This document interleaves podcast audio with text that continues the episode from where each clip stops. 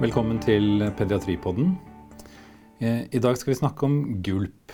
Gulp er jo et eh, problem vi ofte blir presentert med, enten gulp eller refluks. Mange telefoner fra helsestasjoner, legevakt, hvor det, vi får høre at barn, jeg har et barn som gulper langt mer enn normalt, eller jeg tror pasienten har refluks. For å få hjelp til å svare på dette temaet, så har vi da fått to eh, overleger fra gastroseksjonen på Ullevål her overlege Charlotte Knatten og overlege Anne Charlotte Brun. Velkommen til dere. Tusen takk. Eh, vil dere fortelle litt om dere selv? Du kan begynne du, Charlotte. det er greit. Jeg heter Charlotte Knatten og er overlege på gastro på Ullevål. På barneseksjonen der. Og før jeg begynte der, så har jeg tatt doktorgrad på barn som gulper og kaster opp så mye at de skal opereres. Så dette er mitt favorittema. Ja, kjempebra at du kunne komme da for å dele med det du har forsket på. Og du, Charlotte? Ja, ja, jeg heter også Charlotte. Eh, jeg er overlege på barneavdelingen på Ullevål eh, og holder på med mage-tarmsykdommer. Og har også tatt en doktorgrad som omhandler mage-tarmsykdommer, men rettet mot barn med multifunksjonshemming og ernæring, egentlig. Mm. Veldig bra. Og de fleste barna vi møter, er jo ikke de med masse, eller de multifunksjonshemmede, men vanligvis uh, friske barn. Og det første jeg lurer på da, er er gulp og refluks, hva er forskjellen på det egentlig? Refluks er en del av eh, gulping. Altså, refluks er definert som tilbakestrøm mageinnhold som kommer opp i spiserøret. Og så blir det da mel uten gulp, som er det man ser i munn, eller oppkast, hvor det kommer lenger ut. Ja, og, den, og, når det da kommer at man gulper, eller at det kom, denne refluksen, er den farlig? Er det en sykdom? Nei, det må ikke være en sykdom. Um, fordi alle har refluks. Uansett om man er voksen eller barn, så har vi refluks. Og det, vi ha mange, det har vi mange ganger hver dag. Også friske barn og, og voksne. Det er helt naturlig.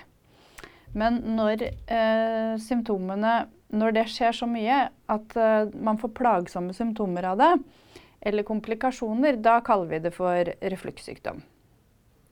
Og farlig blir det jo som regel ikke, uh, fordi man, har man plagsomme symptomer som må behandles, da, da, behandler vi jo og prøver å unngå at dette skal bli farlig. Men i sjeldne tilfeller, som f.eks. sånne barn som jeg har jobbet uh, en del med, med multifunksjonshemming så kan de få komplikasjoner fordi de, har, de er mer disponert for en veldig hissig eh, surefluks eh, som kan gi skade på spiserøret.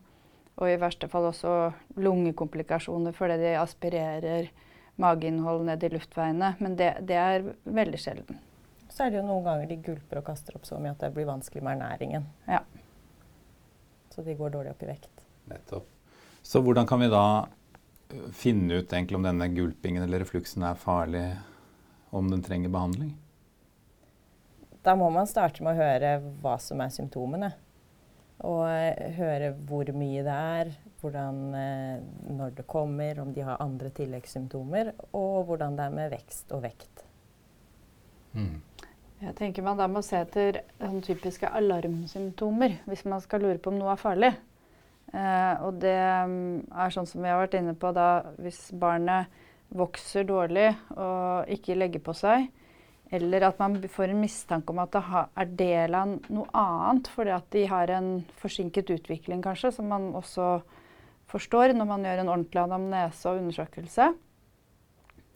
Og hvis, man, hvis det starter veldig tidlig, og man finner et barn på en nyfødtavdeling uh, som gulper grønt gulp, eh, kanskje har utspilt buk, da skal man eh, slå alarm. For da kan det bety at det ikke er refluks, men det er en bakenforliggende obstruksjon lenger ned i tarmsystemet.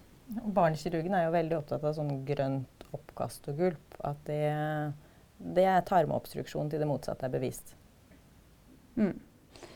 En annen ting som, altså Hvis man skal tenke, prøve å liksom kategorisere det farlige, ufarlige og, og, knytte det til sånne alarmsymptomer, så må man alltid tenke på nevrologi og ha det eh, i minnet fordi at eh, det å, eh, som kan se ut som gulping eller refluks eller oppkast, kan jo òg stamme fra sentralnervesystemet. Så man må alltid huske på det, at det kan være skyldes høyt intrakranielt trykk også. Så det er mange forskjellige årsaker til at man kan ha en refluks? Men da er det jo egentlig ikke pga. at det er en sånn primær refluks. Da. da er det jo en annen årsak bak. Nettopp. Så disse spedbarna som gulper mye, hva skal vi si til eh, både legene som ringer og foreldrene vi møter for å Bør de behandles? Jeg tenker Det aller første man skal gjøre, det er å ta en god anamnese og berolige foreldrene med at de aller fleste som gulper, eller som man har inntrykk av har en refluks, at i de aller fleste tilfellene så er det en normal fysiologisk eh, variant som gjelder mange. Eh, og mange kommer kanskje med en forventning om at nå skal barnet mitt få noen medisiner så ikke den gulper mer. Men, eh, men det viktigste er egentlig å gjøre en ordentlig anamnese, høre hvordan det er med barnet, om det vokser normalt, legger på seg, eh, har det bra ellers, sånn at den ikke virker plaget. Eh, og si til foreldrene at du skal undersøke barnet ordentlig. Og at eh, i de aller fleste tilfellene så er det ikke riktig å behandle med medisiner, iallfall ikke de minste barna. Og i de tilfellene så er det ofte lurt å få tak i hva foreldrene er bekymret for og redd for, så man kan svare på det. Og så er, kan det være greit å forklare hvorfor spedbarn gulper så mye. Og da kan man si f.eks. at de har kortere spiserør enn voksne. Lukkemuskelen er kortere, den er mindre, eh, det er mindre trykk, som gjør at det lettere kommer opp. Og så har de jo flytende eh, føde, altså morsmelk ofte. Og det skvulper jo mer rundt enn fast føde. Ja. Og hvor lenge skal vi på en måte si at dette er eh, spedbarns fenomen at du gulper fordi du er Gulping pleier for ellers friske spedbarn ofte å øke på fram til sånn eh, rundt seks måneders alder. Da er det gjerne på topp, og så går det litt ned igjen. Så hvis barnet gulper mye når det er to måneder, så er, er det ofte greit å si at det ikke går over med en gang. Ja, for jeg har i hvert fall erfart veldig at når jeg møter disse pasientene, at de ofte er forespeilet både medisiner og registreringer. og Mm. Litt vanskelig å snu det. Mm. Så de har blitt forespeilet ute. Ja, og De fleste spedbarn de gulper jo morsmelk eller melkeerstatninger. Og de er jo ikke sure. Så en pH-måling vil ofte gi lite hos de minste. Når er det det kan være relevant å utføre en pH-måling? Da tror jeg òg man øh, bør tenke øh, kanskje prøve å skille litt mellom en, et spedbarn, eller fra under og over ett år. Um, de aller fleste tilfellene så er det jo uansett uh, ikke nødvendig å gjøre en pH-registrering på et lite barn.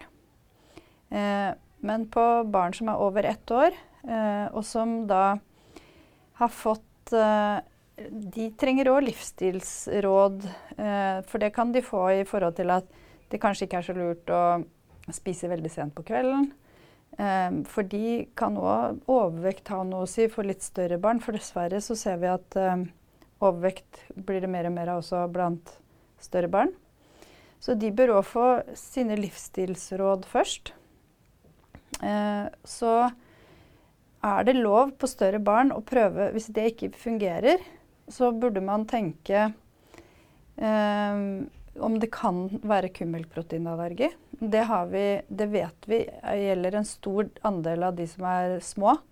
Så opptil 40-50% kan, kan på de minste barna være pga. kummelproteinallergi. Og da, da, bør man jo absolutt prøve å se om kummelproteinfri diett virker. Det samme kan være tilfellet for større barn, at man burde forsøke det. Hvis det heller ikke virker, så er det lov å prøve en, periode, en kort periode med medisiner. Eh, men man, den skal helst ikke være noe mer enn to måneder før man prøver å ta det bort.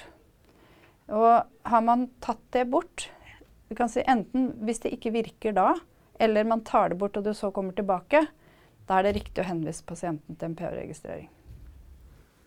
Hvilke medisiner er det snakk om å gi til refluks? Som oftest så er det protonpumpehemmere, og det er førstevalget vårt. Er dette trygge medisiner å gi? Ja, det er eh, medisiner som har vært brukt eh, lenge, så de er godt kjent. Um, men man skal eh, alltid tenke seg om før man skriver ut en resept og starter med medisiner, og huske prøve å behandle så kort som mulig. Um, bivirkningene kan være Det påvirker mage-tarmfloraen vår, mikrobiotaen. Det kan påvirke opptak av vitamin B12. Og mm, ved langtidsbruk så kan det også eh, påvirke bentetthet. Ok. Og hvis, er det andre måter man kan behandle det på enn medisiner? Eller, og kostholdsendringer og Dette er jo Knatten sitt uh, spesialfelt, så skal du få Ja, Det kommer jo litt an på eh, pasientens grunntilstand. Barneleger bruker jo mye gastrojeunalsonde hvis det er multifunksjonshemmede barn som er avhengig av gastrostomi for ernæring. Eh, Eller man kan gjøre nistenplastikk, som er en operasjon hvor man eh, lager en slags ventil for å hindre at mageinnhold kommer opp i spiserøret. Så det blir litt sånn som en sånn ispose som du fyller opp, og så den der øverste som blir litt blåst opp, da får man litt sånn mottrykk. Ja. Så da kommer det ikke så lett opp. Og det, de de fleste blir fornøyd med den operasjonen? Ja, de, jeg har ringt 150 foreldre som har operert med nisenplastikk, og de aller fleste synes barna har fått det bedre, og de er fornøyd med resultatet.